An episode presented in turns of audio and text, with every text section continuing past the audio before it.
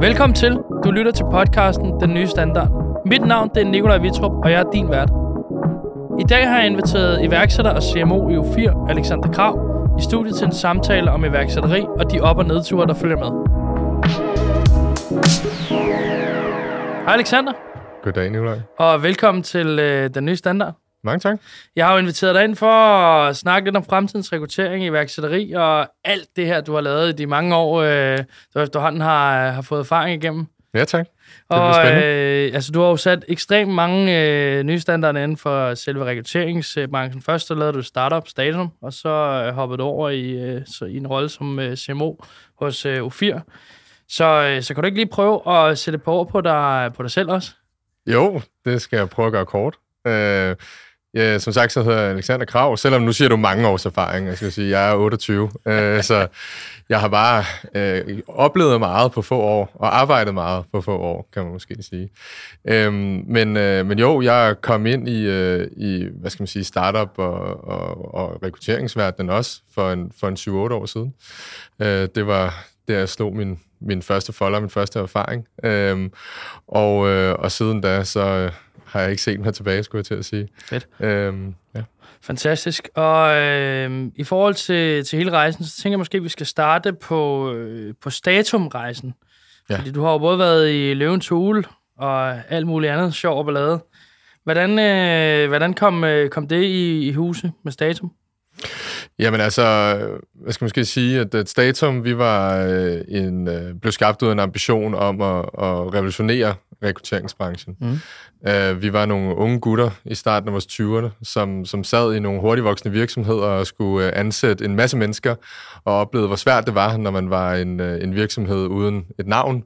Så når man lagde sine jobannoncer op, så, uh, så forsvandt man lidt i mængden af andre mm. store kendte, kendte virksomheder.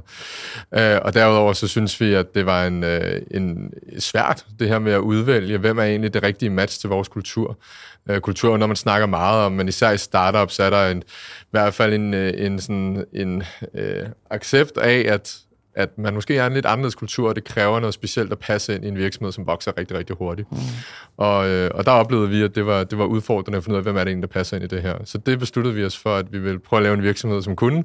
Og, og ligesom alt andet, så, så, så, så tænkte vi, at, øh, at vejen frem, det var jo at bruge øh, kunstig intelligens på en eller anden måde til at lave det her match, fordi hvis mennesker havde svært ved at finde ud af det, så kunne det være, at du skulle bare, bare skulle putte data på det, ikke? Bare lige putte en computer på, Ja. så, så løser den. Så, så tilbage i 16, der, der startede vi øh, fire gutter den, øh, den virksomhed og fik lavet en, øh, en, dem, som man kalder et proof of concept på det, øh, hvor at vi håndbar meget af det, men ligesom for at prøve at bevise, at det kunne godt lade sig gøre, vi kunne godt få interesse fra virksomheder, når vi gik ud og sagde, hey, kunne du ikke tænke dig at ansætte din næste kandidat alene på baggrund af det her kulturelle match?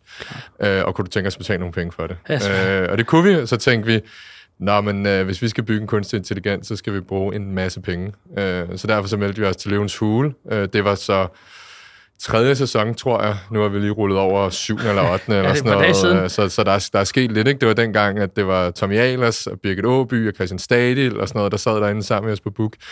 Øh, og vi endte jo så også med at få en investering fra, fra Birgit Åby og Tommy Mm. mm. Ahlers på en, på en million kroner, hvilket var meget i de sæsoner. Der blev der ikke givet lige så mange Mm. penge ud, som, som der gør nu. Nu giver de jo øh, nogle meget vilde tilbud derinde. Ikke? Så, så det, var, det var en super spændende oplevelse at, at have dengang. Fedt. Da vi sad øh, og snakkede om, øh, om du skulle være med i den nye standard, der kan jeg huske, der var en af tingene, jeg spurgte om, det var øh, det her med konkurs. Det er jo en af de mest spændende ting egentlig at opleve og forstå og lære af, tror jeg. Øh, og der, der, der gør du mig lov til at stille nogle spørgsmål til det. Så jeg vil lige sige, ja. øh, inden vi går for langt ind i statumrejsen, at øh, den, den virksomhed er jo så desværre gået konkurs i dag. Ja. Øh, men kan du ikke prøve at lige gå et skridt tilbage igen og, øh, og forklare mig en gang, hvad, hvad lærte det dig at starte øh, Statum dengang? Hvad var det for nogle erfaringer, I, du, har, du har taget med videre derfra? Øh, virkelig, virkelig mange. Øh, altså, jeg, jeg tror, at du så ind i virksomheden som, som marketingansvarlig. Vi var fire partnere og skulle ligesom dele rollerne imellem os, og der var marketing. Det var ikke, fordi jeg havde sådan meget erfaring med det, men det var det, jeg synes var, var rigtig spændende og interessant. Øhm, og i løbet af de fire år, som vi så drev virksomheden, der øh, har jeg haft berøring med næsten alle grene og teknikker inden for marketing. Og det hele har jo været, øh, har været selvlært, fordi mm. at jeg jo hverken havde nogen øh, lærermester inden, øh, eller under, eller efter for den sags skyld. Så jeg har lært, hvordan man lærer ting selv. Klar. Øh, så Google? Ja, Google, og så bare prøv, og prøv, og prøv, og prøv, og prøv, ikke? Altså, og, så, øh, og så har det også lært mig, hvad skal man sige, det at, det at gå ind, det var jo, altså, rekrutteringsbranchen var, og er stadig, men var især for, for 5-6 år siden meget traditionel. Mm-hmm. Altså sådan, det var, hvis du skulle ind og arbejde med rekruttering, så skulle du, så skulle du have jakkesæt på, ikke? Mm. Altså, det var lidt ligesom bankverdenen. Du forventede nogle forskellige ting. Så når vi ligesom kom ind og sagde, at vi er nogle, vi er nogle unge gutter uden skider meget erfaring, og vi har ikke jakkesæt på, men vi har t-shirt på, mm, og vi snakker om algoritmer i stedet for mennesker. øh, og, øh, og generelt så vores kommunikation er måske lidt mere... Øh, ungt i mangel på bedre ord, mm. men jeg tror, at folk forstår, hvad jeg mener, når jeg siger det, frem for øh, frem for meget konservativt. Klar. Øhm, men vi, vi prøvede ligesom, og især mig i vores hvis marketing, jeg, jeg skilede meget til B2C-verdenen og sagde, okay, hvad, hvad er det, som, som virker godt der, og hvad er det, som folk øh, godt kan lide? Og basically, så vil folk jo gerne føle, at de tales til som et menneske. Folk vil gerne underholdes, også øh, typisk i kommunikation på en eller anden måde. Det skal ikke være kedeligt at se reklamer for en virksomhed. Øhm, så alle, alle de her ting, sådan, det, det, det, det synes jeg, at, øh, at jeg lærte rigtig meget af at kunne få lov til bare at eksperimentere med. Fedt. Og opdagede jo så nemlig også, at selvom at der var en eller anden øh, uskreven regel, eller, eller faktisk også udtalt regel i branchen omkring, du kan ikke blive taget seriøst som rekrutteringsbureau, hvis du et er ung og ikke har erfaring, mm. og hvis du to i går så en opført og uprofessionelt i din kommunikation og markedsføring. Ja. Og vi kunne bare se, at det fuldstændig modsatte skete. Altså, vi havde nærmest ingen penge til markedsføring, men den kommunikation og det indhold, vi lavede, det ramte bare lige i det ramte bare lige i målgruppen, altså fordi at de, de oplevede at lige pludselig at blive talt til som en forbruger, som et menneske frem for til som en virksomhed. Klar. Øh, og meget af den, øh, hvad skal man sige, de oplevelser og den øh, erfaring har jeg så også taget med mig videre ind i U4. Det var faktisk en af de, de primære grunde til, at øh, jeg blev tilbudt jobbet der. Øh, det var, at, øh, at de havde set de øh, resultater, vi havde skabt i staten, fordi vi turde at gøre Fedt. noget anderledes og sætte en ny standard. Sejt. Alexander, øh, der var en øh, artikel engang, hvor der står, stifter og fyre sig selv for at redde deres egen virksomhed. Ja. øh, vil du ikke det, på den? Det lyder som, som noget PR-spin, ikke? jo, det lyder i hvert fald dramatisk. ja. Men ikke desto mindre, så var, det jo, så var det jo den virkelighed, der var. Ja, altså baghistorien for det, det er, at, øh, at altså, som med mange andre startups, så var vi i Statum igennem mange op- og nedture. Øh, den, den første nedtur kom et år efter Løvens Hule, hvor vi havde brugt alle de penge, vi fik derinde, og faktisk var ved at gå konkurs der. Og måtte fyre alle medarbejdere og egentlig starte helt forfra. Og der gik vi så også væk fra tanken om at bygge en kunstig intelligens, og så gik vi over til det, som vi havde oplevet, at vi godt kunne finde ud af, og det var at tænke mere konsulentbaseret, men at bygge vores forretning op omkring nogle digitale processer frem for det sådan meget klassiske konsulentborgende arbejde, som man ser i rekrutteringsbranchen stadig ja. den dag i dag. Mm. Øhm, og det begyndte vi så at bygge forretningen op på fra 18, og da vi går ind i 2020, der har vi en rigtig god konsulentforretning. Uh, vi, er, vi er etableret i Danmark som, som det førende uh, konsulenter inden for rekruttering til, til scale-ups og startups. Vi har 15 medarbejdere, og uh, de første ledelsesmøder i 2020 handler egentlig om, hvordan udbreder vi Statums måde at lave rekruttering på mm. til, til andre store byer i Europa. Vi vil gerne, vi havde en drøm om at starte et, et kontor op i de store iværksætterbyer i Europa, så vi kunne hjælpe vores kunder med at skalere internationalt og flytte talenter på tværs af, af byer som, som Dublin og Stockholm og Tel Aviv og så videre. Fedt. Så skete der noget øh, den 11. marts, som, øh, som påvirkede vores økonomi rigtig hårdt, og det var, at Danmark blev lukket ned. Og det, der skete i hele startup og scale-up-miljøet, det var, at det er et miljø, som er meget afhængig af investorer øh, fordi at øh, alle de penge, de bruger, det er noget, som er investeret. Mm. Øh, og hele øh, kapitalmarkedet, det frøs, fordi at man var i tvivl om, hvordan corona ligesom ville påvirke det mm. hele. Og det betød også, at samtlige af vores kunder, de lavede ansættelsestop. Øh, det betød, at alle vores opgaver forsvandt, øh, og derfor også al vores øh, indtjening. Og i og med, at vi ikke var sådan et, et investerings øh, eller et startup længere, eller en virksomhed længere, mm. som levede på, på investeringer, så havde vi kun de penge, der var i banken, og det var ikke mange, fordi mm. vi, havde, vi havde haft en ret, øh, en ret risikovillig vækststrategi, hvor vi havde reinvesteret alle penge, vi tjente. Klar. Og det betød så, at da vi ikke tjente nogen penge, så løb vi meget hurtigt tør for penge i banken. Klar. Og der kiggede vi så ud på vores konsulentforretning og sagde, at okay, men vi har ansat nogle rigtig dygtige konsulenter, og det er jo dem, det er jo deres timer, vi tjener penge på. Mm. Så sidder vi nogen her i ledelsen, der sidder og, kigger på, hvilken storby vi skal åbne et nyt kontor mm. i, men det, det arbejde, det er jo værdiskabende i fremtiden, men kun mm. hvis der er en virksomhed i fremtiden. Ja, ja, klar. Vi, vi tjener ikke penge her nu som ledelse, fordi vi ikke sælger vores timer. Så vi besluttede os for at sige, at der er nogen, der skal fyres, for ellers så overlever virksomheden ikke, og det skal så være os. Så, så vi gik så ind og, ja, og fyrede os selv. Og øh, grunden til, at der så kom nogle artikler ud af det, var, fordi vi lavede et LinkedIn-opslag omkring det, ligesom mm. for at fortælle til vores kunder og vores omverden, at vi fyrer os selv, men bare roligt. Vi har brugt det sidste lange stykke tid på faktisk at skabe en forretning, hvor at vores konsulenter, de kan godt tænke selv. De kan mm. stadig godt levere arbejdet. Klar. Vi har ikke øh, haft en micromanaged kultur, hvor, at, hvor at vores medarbejdere har været marionetdukker for ledelsen. Mm. Vores medarbejdere, de kunne i vores optik troede vi på at kunne køre det hele selv. Mm, ikke? Så vi trådte tilbage, øh, og, og så, så drev vores medarbejdere det faktisk også videre i, i et halvt år, øh, og, øh, og, og fik det også oparbejdet op igen. Altså, vi begyndte at få plus på kontoen igen. Mm. Men så kom der en ny nedlukning øh, i december 2020, ja. og så, øh, så skete det helt sammen igen, og så, så kunne vi simpelthen bare ikke klare det, og så var virksomheden desværre øh, konkurs. Hvordan var, øh, hvordan var det? Det er, jo, altså, det er jo det værste meget i bund og grund for alle, der starter noget op. Det er jo, at det skal smuldre imellem mine tænder. Ja, det var en, øh, en øh, svær tid.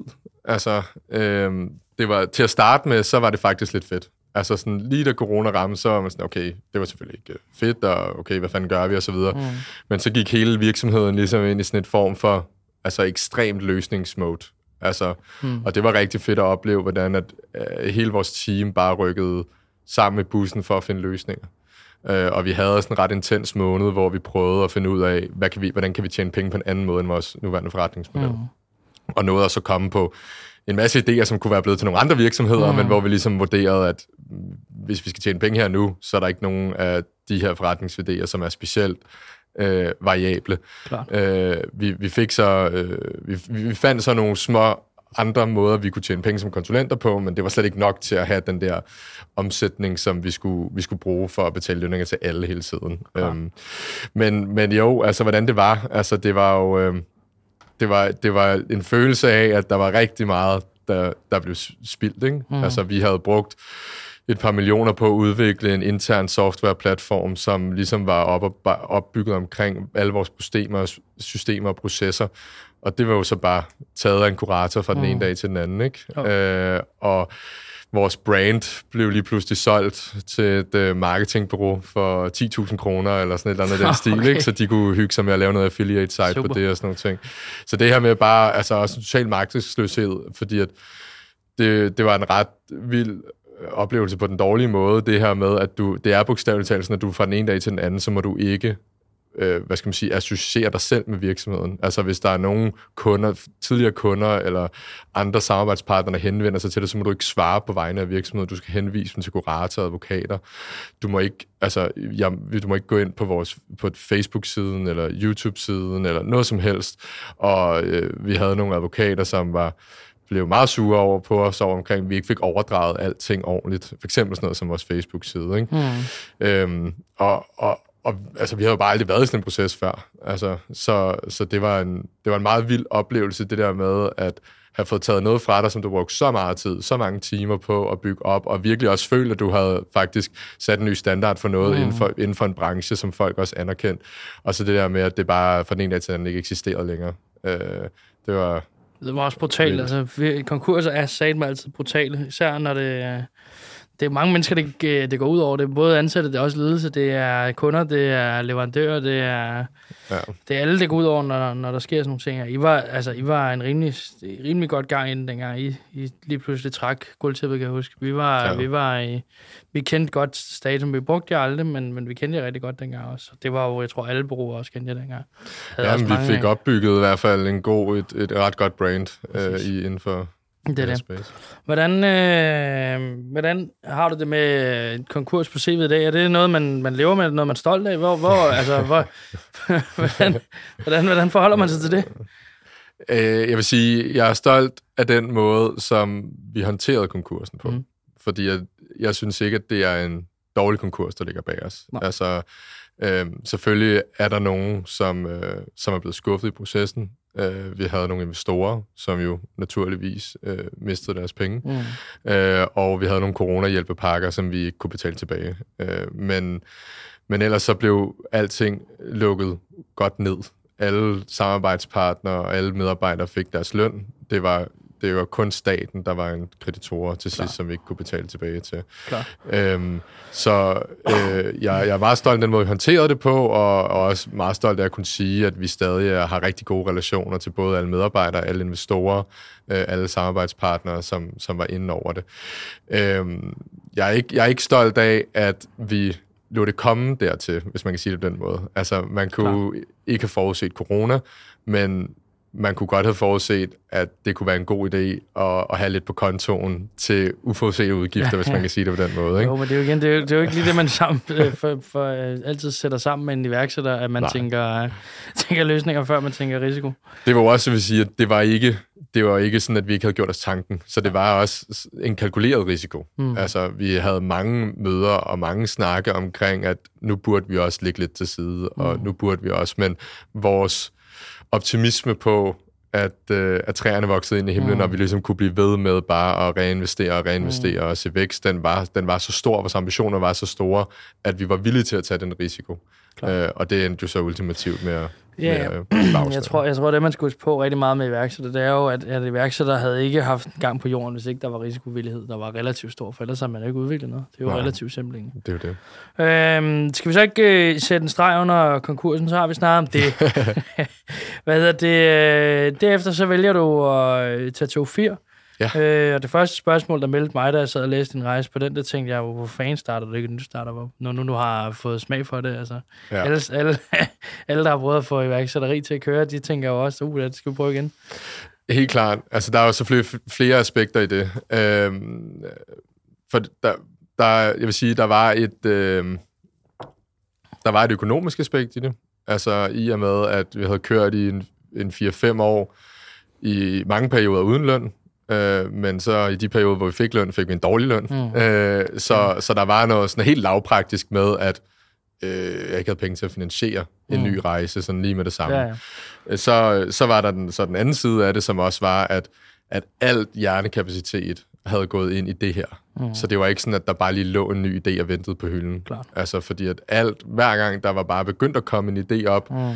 så var det ligesom blevet lagt til side, så at alt kunne blive, blive fokuseret på det. Ikke? Og vi mm. havde en, Altså, de første år, der havde vi en, en ret usund arbejdskultur, fordi at vi havde set øh, for mange øh, Jesper Buch-citater øh, og læst for mange af hans bøger, så det var sådan noget der med, at, altså, at vi nærmest altså, gav hånd på, at vi ikke øh, så venner og alle sådan nogle ting, fordi at vi skulle arbejde alle vågne timer i den her forretning. Ja. Vi, fik, vi fik et mere balanceret forhold til det i løbet af årene, men arbejdede stadig meget. Ikke? Men, ja, men så, så der har bare altså, så når jeg siger, at al hjernekapacitet blev brugt på det, så, så var det sådan. Okay. Altså, øh, så, øh, så, det, så det er grunden til, at jeg i hvert fald ikke røg, røg direkte ud i noget nyt. Klar. Hvordan i forhold til øh, U4, da du starter jo U4, der øh, så vidt jeg lige kunne læse mig frem til, så har du, så har du fået lavet nogle relativt fine, øh, fine tal efterfølgende. Hvad var U4, i hvad for en status var U4, dengang du startede hos dem? Jamen altså, O4 er jo øh, Danmarks ældste jobportal, til dem, der ikke ved det. Der er måske nogen, som også kan huske O4 for den gang, at øh, O4 var øh, tilbudt en, en chat og en e-mail-klient og nogle forskellige ting.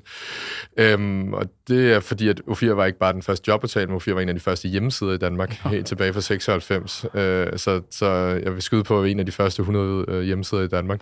Vildt. Øhm, så man har været igennem rigtig mange ting. Man havde et, et, et bagkatalog af, af rigtig mange gode resultater, men også øh, især i de, i de senere år dårlige resultater, i takt med, at Jobindex ligesom havde domineret markedet fra start, satset kun på jobs, og så ligesom indtrådt som den, som den store markedsleder i, i Danmark på det. Ikke? Øhm, O4 havde så øh, tilbage fra omkring øh, 17, tror jeg det er, ansat en ny direktør, som også er ham, der er der i dag, som ligesom blev sat i spidsen til at gør U4 relevant igen, skulle jeg mm, sige. Øhm, få U4 tilbage til sin, til sin storhedstid.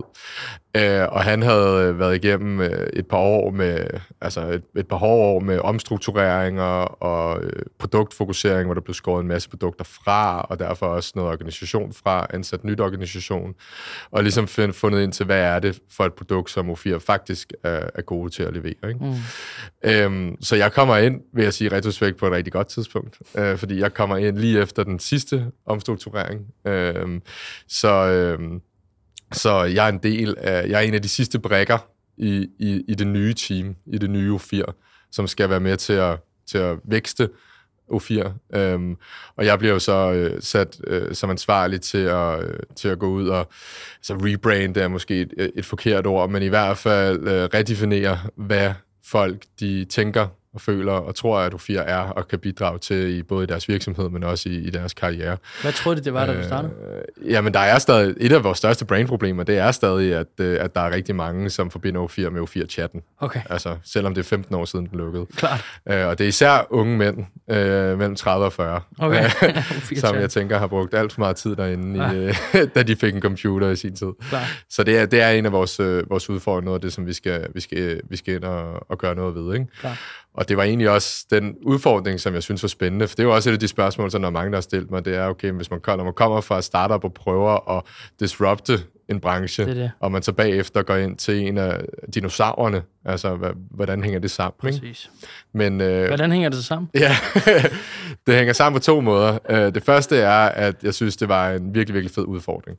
Altså, uden at det skal lyde alt for, for, for selvfedt, så følte jeg lidt, at, nu, at jeg havde lykkes med at bevise over for mig selv, at jeg kunne godt bygge et brand i en helt ny virksomhed. Altså det, der var skadet fra scratch, og så skulle bygge noget af, det, det følte jeg ligesom godt kunne finde ud af. Så det der med at gøre det igen, jo, det kunne selvfølgelig være spændende i en ny kontekst og en ny mm. virksomhed, men det vil måske ikke være en så stor udfordring, som jeg godt kunne tænke mig. Klar. Så det med at komme ind og tage et, et, et legacy brand, som ikke bare var gammelt, men som også var, havde en masse negative associationer med sig, mm der, der sad jeg og tænkte, okay, det, det, det bliver ikke nemt. Og så sad jeg og talte med en, øh, en, en marketeer, som jeg ser meget op til, øh, som, som lidt gav mig, gav mig råd, der sagde, altså i forhold til nogle af de andre tilbud, du har på hånden, altså der, der behøver du ikke at være god. Altså, der kan du bare ride med på bølgen, og så ligner det, at du har været god. Så, så det vil jeg gøre, hvis jeg var dig. Klar. Sådan, hvor U4, der er du nødt til at gå ind og gøre en reel forskel. Ja, øh, fordi at det, det, tilstanden er så dårlig i gåsøjne. Mm. Ikke? Og af en eller anden grund, så motiverede det mig super meget, det her med at sige, at jeg ikke bare hvis jeg hoppede på 4, så hoppede jeg ikke bare med på en bølge. Klar. Så skulle jeg faktisk bidrage til, at, øh, at, til det positive. Ikke? Klar. Så, så det, var, det var den ene side. Den anden side er, at U4 har en, en langsigtet vision, som minder utrolig meget om det, som jeg vil i Statum. Klart. Øh, så uden at kunne sige for meget om præcis, hvad, vores, hvad vores målsætning er, så, så er det, at, øh, at vi jo fire selv, selv synes, at den forretning, vi driver i dag, den er fyldt med for meget friktion. Okay. Altså, vi synes, at det er vi synes ikke, det er det rigtige, at en jobportal skal fungere på samme måde, som den gjorde for 25 år siden. Klar. Men der er nogle vaner i markedet, som gør, at man ikke bare lige kan ændre det sig fra den ene mm. dag til den anden. Men vi har en ambition om at rykke over mod os og, og skabe mindre friktion i processen. Det skal være nemmere for virksomheder og kandidater at, at møde hinanden og komme videre sammen, øh, end det er i dag. Og, og det arbejder vi langsomt hen imod, og arbejder for eksempel med data og algoritmer mm. i, i den proces, som er jo noget af det, jeg drømte om i Statum. Så jeg er stadig på den samme mission, som jeg var dengang, øh, og det er at få, øh, i det lyder så flot, ikke? men at skabe de gode matches, altså hjælpe til, at folk kommer ud og, og arbejder i en virksomhed, hvor de synes er fedt at være, mm. og også at virksomheder kan få ansat de medarbejdere, der gør, at de kan udleve deres potentiale. Klar. For det ved du også som virksomhedsejer. Hvis 100%. du ikke kan få de rigtige folk, så kan det jo holde ens vækst tilbage. Ikke? 100%. Og det, og det kan tage lang tid at definere den rejse også. Hvordan ser du øh, hele rekrutteringsrejsen? Fordi den har jo om noget ændret sig. Altså fra, øh, fra vi startede, hvor at øh, Jobindex trods alt var en ting til, det var nemmeste at få medarbejdere i verden. Det var bare at gå ind på det hop. Til at mm. nu er LinkedIn den ultimative øh, synes jeg. Øh, men det har virkelig ændret sig jobmarkedet. Det kan godt være, det ja. har ændret sig måden, hvorpå at de søger, og hvordan de søger. Men i dag, når folk søger til os, altså det er de fleste, der søger til os nu, det er bare et LinkedIn. Øh, ja. Hey, vi synes det godt om den her stilling, så hvad ja. synes du om os? Ja. Og så er der et lille CV, og nogle gange er der en ansøgning med. Men som udgangspunkt, så er det mest bare folk, der tilbyder sig til WebAmp, og ikke den gode gammeldags, hvor de skrev en lang ansøgning, og altså ja. tage ind i virksomhedens behov, og alle de her ting. Ja, ja. Hvordan ser du det, Marke? Jamen altså, det er jo sjovt, fordi det, som vi jo er specialiseret i U4, det er jo faktisk at, øh, at lave øh, det, som man kalder recruitment marketing, mm. altså rekrutteringsmarkedsføring på LinkedIn og Facebook. Mm. Og det er jo netop fordi, at vi ikke ser rekruttering som værende et valg mellem den ene eller den anden kanal. Mm. Det er jo et parametermix. Altså, det er jo ja. ligesom med marketing. Det handler mm. jo ikke om, skal vi vælge Google eller Facebook. Nej, nej. Du skal i mange tilfælde vælge begge dele, ikke? fordi at du skal derud, hvor målgruppen er. Så, så, så det er jo det, som vi arbejder med. Vi laver over 10.000 jobkampagner om året for vores kunder, hvor vi hjælper dem med at lave målrettet markedsføring øh, af deres job til deres kandidater. Så har vi også en jobportal, som er en af kanalerne mm. i, i, den her, i det her markedsføringsmix, som vi kører de her jobkampagner. Men for os, så handler det rigtig meget om at få HR til at, og det er den nye standard, vi er ved at sætte i U4, ikke? det er det her med at få HR til at forstå, at det at ansætte, det er en marketingdisciplin. Mm. Altså, det, det er det helt det samme, som hvis du skal ud og have kunder i din Bix. Uh, du skal, helt det samme som hvis du skal markedsføre et produkt. Enig. I det her tilfælde, der er dit produkt bare en stilling. Præcis. Så du skal ud og sælge, du skal ud og markedsføre din, din position, og, og det kan du ikke gøre, hvis du bare lægger dit job ind på en i et lukket økosystem, som en jobportal er, mm. og så håbe på, at folk de selv opsøger din Præcis. mulighed. Du er nødt til at få jobbet ud for en målgruppe, mm. og appellere ved at slå på de øh, øh USP'er, som din virksomhed har, din arbejdsplads mm. har, øh, og, og håbe, at du kan vække nysgerrighed øh, og opmærksomhed og interesse, sådan så at, øh, at du kan tiltrække folk og få dem til at ansætte. Og det er jo så i den her proces, hvor at det er rigtig godt at fjerne friktion. Fordi en ting er, at du kan vække folks opmærksomhed, men hvis de så bagefter skal igennem et et system, hvor de skal udfylde 50 øh, felter og formularer og uploade billede og mm. uploade ansøgninger, og så bagefter svare på ting, som allerede står i ansøgningen, og så skal de uploade CV, og så bagefter skal de også udfylde en profil, og altså sådan, mm. så springer folk bare fra. Ikke? Præcis. Hvordan i forhold til øh, hele det her med... Altså, jeg, jeg starter jo med relativt mange ledere efterhånden, også i den nye standard, men også udenfor. Altså, værdibaseret ledelse er blevet en kæmpe ting. Det er også blevet en kæmpe ting inden for øh, måden, som, som den, den brede målgruppe øh, søger job og øh, tilbyder job. Mm. Fordi værdibaseret ledelse er jo trods alt, at der er nogen, der skal forstå den øh, rejse, vi er på. Men det er svært at have en rejse, hvis man er en gammel øh, dinosaurvirksomhed, som skal have en, nu skal vi have en ny vækstrejse og vise, hvordan vi gør, hvis ikke man har det internt. Så hvordan, altså, hvordan, hvordan ser jobmarkedet ud nu? Fordi det er jo, som mit udgangspunkt, så er det et ekstremt hårdt øh, marked for virksomhederne lige nu. Ja. Øh, og derfor så skal virksomhederne lige pludselig til at gøre sig sexet, hvor ja. at de i rigtig lang tid har kunne være skal man sige, ikke nødvendige i forhold til at gøre sig sexet. De har bare smidt et job ud, så er der kommet 100 ansøgere ind, og mm. så har man mm. tænkt, fantastisk, nu vil vi køre videre. Hvordan, hvordan ser du ændringen i alt det lige nu? Jamen, ændringen er, er i, især i det her med, at, øhm, at, at man ser mange virksomheder, som lidt tænker på jobannoncen som et, øh, en nærmest en produktbeskrivelse, ikke? Mm. eller en opgavebeskrivelse. Sige, det, det, det, det her opgaven er, det er det her, vi skal bruge. Kan du sætte hak ved det, så værsgo, så kan du få lov til at arbejde for os. Ikke? Hvor at, øh, sådan er det bare ikke i nuværende jobmarked. Altså, der er, lige nu er der dobbelt så mange ledige stillinger, som der var for et år siden. Øh, men samtidig med, at der er cirka halvt så mange ledige kandidater på markedet.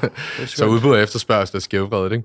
Og det betyder jo, som i alle andre markeder, hvor der er mere efterspørgsel, end der er udbud, det er, at, øh, at så må man ud og sælge sig. Mm. Altså, så skal man ud og finde ud af, hvorfor er det, det er fedt at arbejde hos os? Hvad er det, mm. man får ud af det?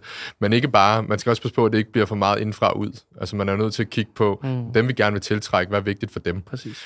Øhm, og det er også derfor, at jeg, jeg er ikke så stor tilhænger af, at, at, at når folk går ud og prædiker og siger, nej, men altså, hvis du ikke tilbyder remote work, så, så kan du overhovedet ikke tiltrække nej. folk. Eller hvis du ikke har øh, syv ugers ferie, kan du ikke tiltrække folk. Eller hvis du ikke har et, øh, en, en CSR-agenda, eller arbejder ind i FN's verdensmål. Mm. Altså, fordi at det er kun vigtigt, hvis det er vigtigt for den målgruppe, du gerne vil tiltrække. Mm, Og mennesker er forskellige, og det er forskelligt fra branche til branche, fra, fra, geografi, fra geografisk location til location. Mm. Øhm, så, så det er jo vigtigt, at igen, ligesom man vil gøre i en marketingstrategi, mm. hvis du mm. skal ud og finde kunder, ned og analysere, hvad er vigtigt for dine kunder, Klar. og hvad, hvor er sammenfaldet mellem det, som vi står for som virksomhed, det vi kan tilbyde som virksomhed, og det, som folk er interesseret i. For så er det jo det, vi må ud at kommunikere, det er det, vi må ud at markedsføre vores employer brand på, og så tiltrække folk på den baggrund. Klar. Og det, det er den ændring, som er nødvendig at tage, og dem, som der gør det, er også dem, der lykkes i det nuværende marked. Mm. Vi har rigtig mange virksomheder beklage sig over, at de ikke får nok ansøgere. Men jeg kan så afsløre, at de virksomheder, som arbejder målrettet med at sige, at de skal ud og, øh, altså, øh, og, og, og tænke rekruttering mere som marketing, de lykkes også med det. Hmm, klar. Hvordan, øh, nu tænker jeg lige hoppe tilbage til noget virksomhed mod startup, fordi det er jo ret sjovt tanke, synes jeg stadig. Øh, fordi hvad er de store forskelle for dig imellem at være ansat og være iværksætter? Hvad, kan du ikke prøve at sætte nogle ord på dem? Jo, altså nu, det, det er klart, at det lyder måske eller det lyder corporate, når man siger, at man er marketingchef i en, i en af de første IT-virksomheder i Danmark, som forresten også er børsnoteret. Øh, men øh, vi har heldigvis øh, øh, en, øh, en iværksætteragtig kultur, hvis man kan sige det på den måde. Ikke? Mm. Altså, øh, fordi vi er faktisk et relativt lille team. Altså, da jeg startede, der var vi kun 25. Mm. Nu er vi så det dobbelte. Øh, så, så vi har jo også, vi har lidt, vi er lidt på den, en, en vækstrejse, som, øh, som også er det, som man oplever, mm. oplever i et startup. Ikke? Så det er jo ikke, fordi jeg er kommet ind i en organisation med 1000 medarbejdere, eller nej, nej. den stil, hvor det, hvor det er meget stridigt. Og, så, og det var også det, der var vigtigt for mig i processen. Altså mm. det var jo noget af det, som jeg, jeg også kiggede efter sige, at jeg, jeg vidste godt, at jeg nok ikke kunne trives i en sådan super corporate øh, mm. kultur. Men der, hvor den er, så er corporate, det er jo, når du er børsnoteret, så er der bare nogle ting, du må sige, og nogle ting, som du ikke må sige. Ja, præcis. Og der har jeg dummet mig en del gange. Der lærer altså, du stadig... Så har jeg lige lavet et opslag på LinkedIn, hvor jeg lige uh, har været sådan, hey, øh, omsætningsrekord, ja. og så er vores, uh, hvor min chefs chef kommer og sagt, det der, det er insiderviden. det må okay. du ikke dele, altså det påvirker aktiekurs. Nå, fuck, jeg sender slet det igen, ikke? Ja, og, uh, så det er bare sådan nogen som dig, man skal følge på, uh, på LinkedIn, så kan ja, ja, man få aktietips. Ja, ja, ja, ja.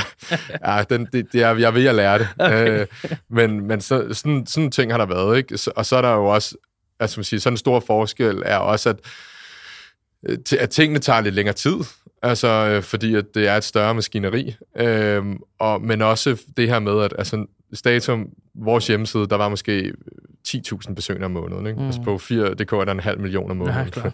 Ja, øh, så, så det er jo, der er en lidt anden bevågenhed. Altså mm. når vi laver en, en, en ny funktionalitet, eller ændrer noget copy, eller øh, laver en fejl, altså så bliver det set af rigtig mange mennesker, og har impact på rigtig mange mennesker. Mm. Øh, vi har også en, en rigtig stor database af kandidater, som abonnerer på at få tilsendt øh, de nyeste job, der matcher dem.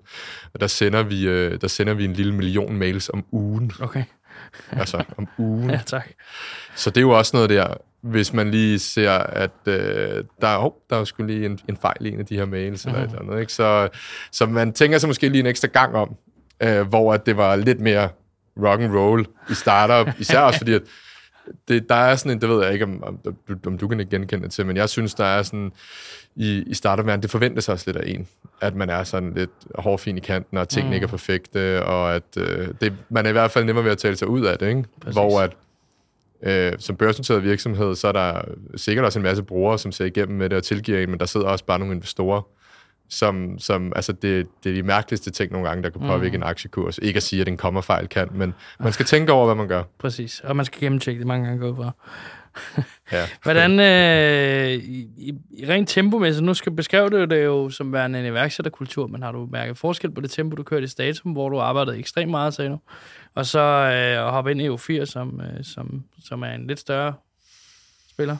Ja, altså, men tempoet er mere, er, er faktisk primært i den instans, at i, øh, i Statum, der skulle jeg selv opfinde problemerne, og så finde løsninger til dem, Klar. hvor at, øh, i den nuværende organisation, der, der kommer der en masse problemer til mig, som jeg så skal løse. Ikke? Klar. Og det er jo dels fordi, at der er en større organisation, så det vil mm. sige, at der flere afdelinger, der er flere mennesker, der gerne vil have løst et eller andet, eller har gjort et eller andet, og plus at vi er en så gammel virksomhed, at der netop er tusind processer, tusind systemer og alle mulige ting, som fra tid til anden skal opdateres, eller vedligeholdes, eller udskiftes, eller går ned og skal, og, og skal tages hånd om. Ikke?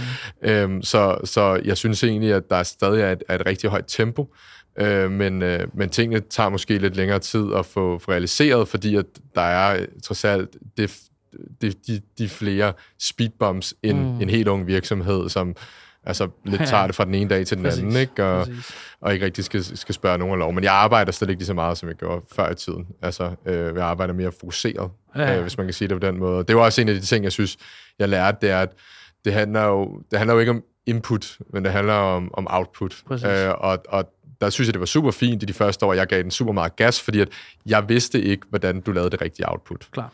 Og jeg har stadig masser at lære endnu, men jeg ved trods alt mere, hvordan min tid er givet bedre ud, mm. og, og hvad der giver mening at bruge tid på, hvad der ikke giver mening at bruge tid Klar. på.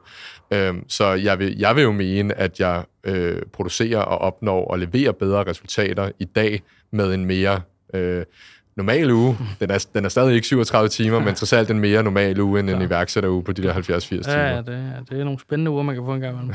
Fedt. Hvordan, øh, skal vi ikke lige hoppe lidt over i uddannelse? Jo, øhm, det kan fordi, vi godt. Fordi så vidt jeg øh, i vores Der er research... ikke så meget at fortælle, kan nej, det det. I vores research, der står der jo, at du blev afvist af CBS også. Ja. Hvad betyder det? Altså, kan du ikke lige øh, fortælle lidt om det? jo, øh, jamen, det, er jo, det er jo så også... Øh, det, det, du henviser til, er nok, at jeg har lavet et, uh, lavet et indlæg for nogle år siden, hvor jeg skrev, at det bedste, der var sket for mig, var, at jeg blev afvist af CBS. Ja, det var... Ikke? Og det var marketingsmanden, der lige kom op og vinkler det, vinker det lidt skarpt. Ikke? Men det er egentlig fordi, at jeg har, jeg har været typen, fra jeg var helt lille, som, uh, som havde en meget klar plan om, hvad jeg skulle i mit liv. Mm. Uh, så jeg tror, for sådan noget 6-7. klasse, der vidste jeg præcis, hvad jeg skulle. Mm hvis præcis hvilket gymnasie jeg skulle læse på, præcis hvilken uddannelse jeg skulle have på hvilket universitet, og så hvad jeg skulle ud og arbejde med bagefter. Mm. Øhm, og ender så med at drikke lidt for mange bajer i gymnasiet, og få et lidt for lavt snit til at komme ind på nogen som helst uddannelse på CBS. øh, men søger alligevel noget kvote 2, og, og tænker, den skal nok gå, ja, ja. fordi at, altså, så dårlig var min karakter heller ikke, og jeg havde lavet nogle relevante ting i løbet af min gymnasietid, så jeg tænkte, uh, why not? Men ender så med ikke at komme ind, og står så lige pludselig og siger, okay, adgangskvotienten stiger bare hvert år, så jeg kommer heller ikke ind næste år, hvis jeg ikke kommer ind i år.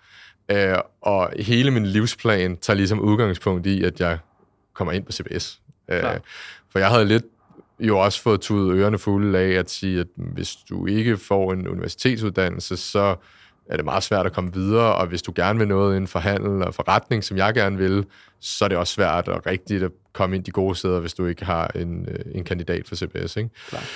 Øhm, men ender jo så ikke med at komme ind, og må så finde en anden vej i livet, øh, og beslutter mig for at sige, at øh, jeg har jo arbejdsmoralen, øh, så, så må jeg jo arbejde mig op i stedet for. Så må jeg komme ind i en virksomhed og, og, og starte fra bunden og bevise mit værd den vej ind igennem.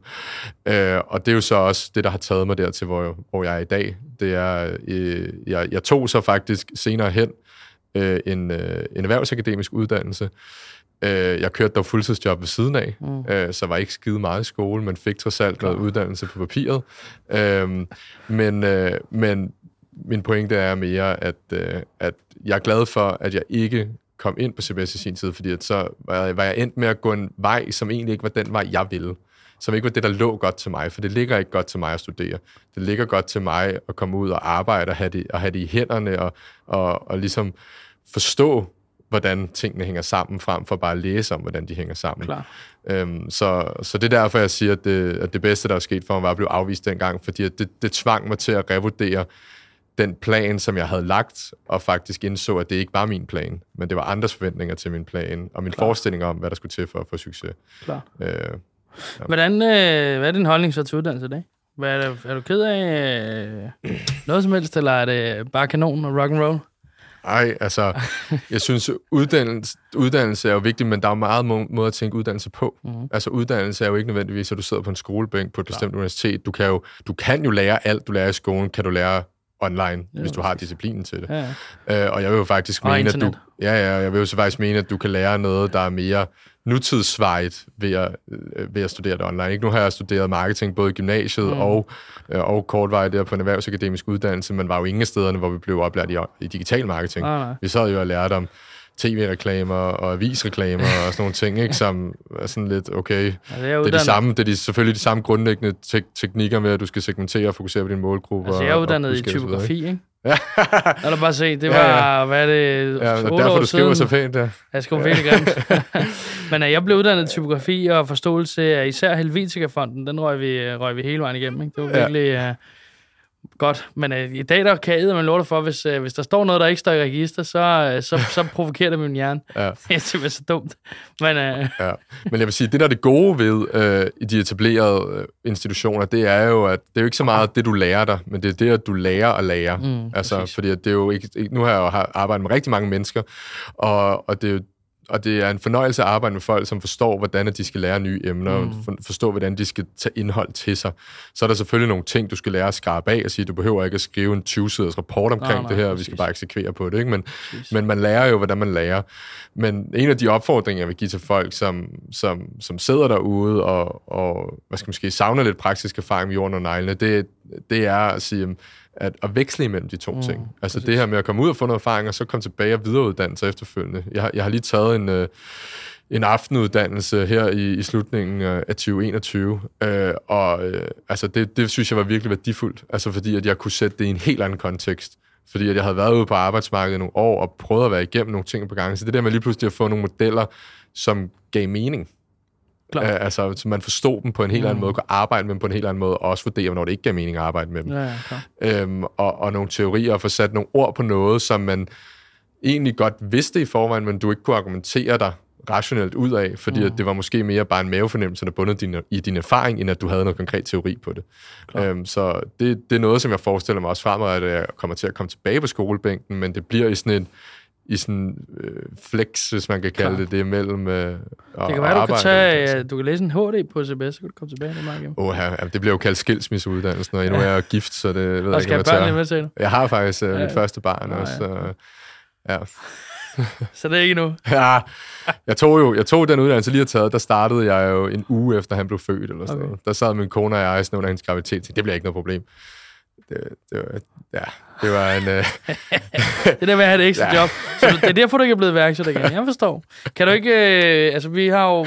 En af de ting, som, som jeg er meget, meget motiveret af, grund til, at jeg egentlig startede den nye standard rigtig meget, det var det her med, for at komme, hvor til du også er kommet i dag, så er der jo en, en relativt lang vej, også en bagside af en medalje hele vejen øh, mm. hen imod det mål. Øh, altså, nu sidder du som CMO i Danmarks anden største jobportal.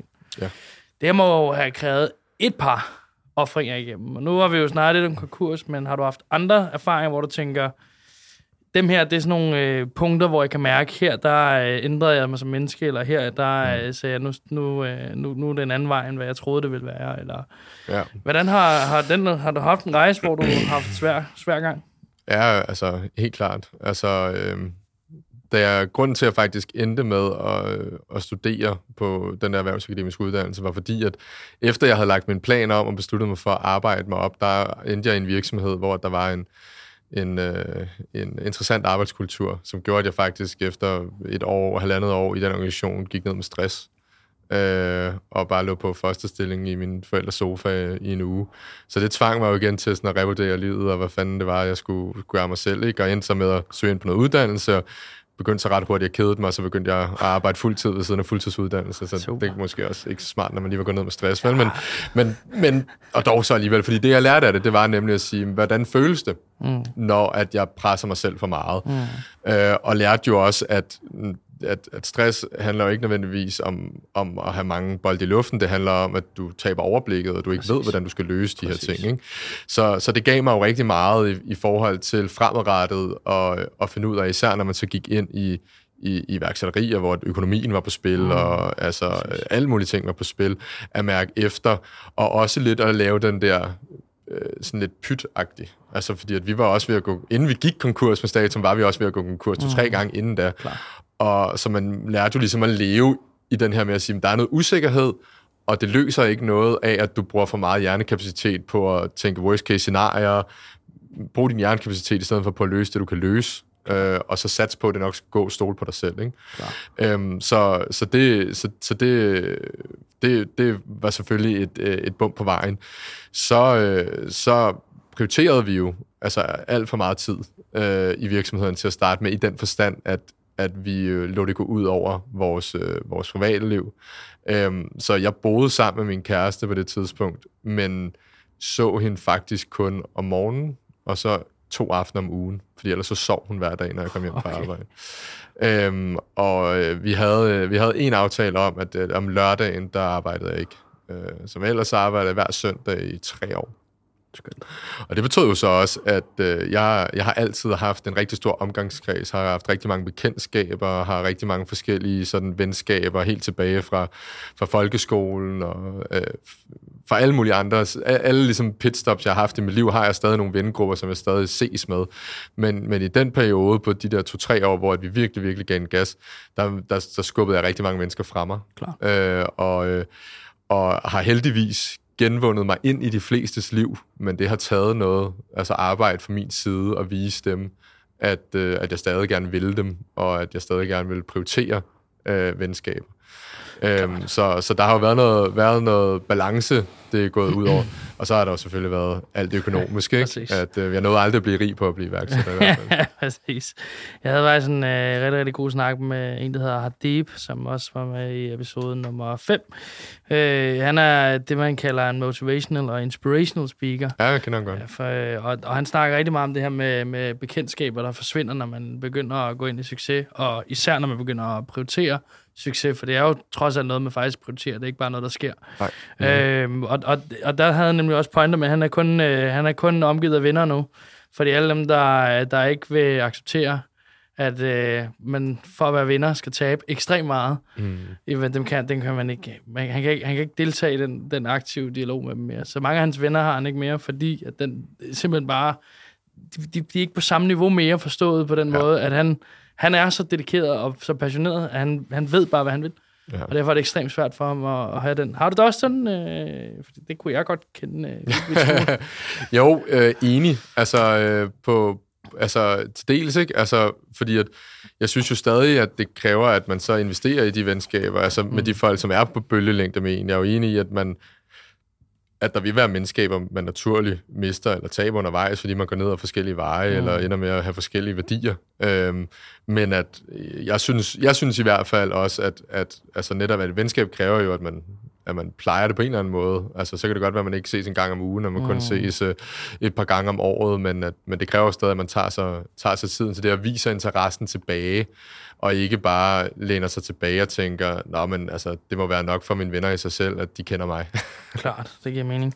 Alexander, vi er ved at løbe, øh, løbe tør for, øh, for god tid. Kan du ikke, øh, den sidste del, nu skal du selvfølgelig ikke øh, svare på U80's fremtid, for det, det må du ikke øh, af en naturlig årsager. Så skal vi ikke prøve at tage fremtiden for dig personligt? Hvor, øh, hvad, hvad skal der ske med dig, og, og hvad er din øh, ambition og drøm? Uha, ja, min ambition og drøm er at, øh, at blive ved med at udvikle mig. Øh, og jeg vil rigtig gerne udvikle mig sammen med en organisation, øh, fordi at det er noget af det, jeg synes øh, er noget af det mest udviklende situation, man kan stille sig selv i. Det er altså at være i noget, som bevæger sig hurtigt, fordi det kræver, at du også bevæger dig hurtigt. Klar. Øhm, så, så jeg forestiller mig, at jeg skal blive ved med at være steder, hvor tingene bevæger sig hurtigt, øh, og som kræver af, at, øh, at jeg øh, hele tiden yder mit bedste, og hele tiden fokuserer på at, at blive bedre.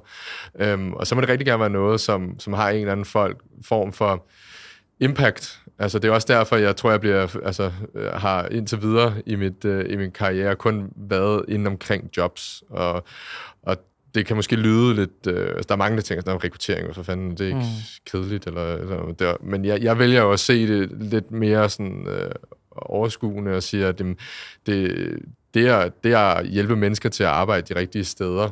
Øh, og det, er jo, det, har jo, det har jo kæmpe stor impact på folks liv, hvad man arbejder med, mm. og hvor man arbejder. Okay.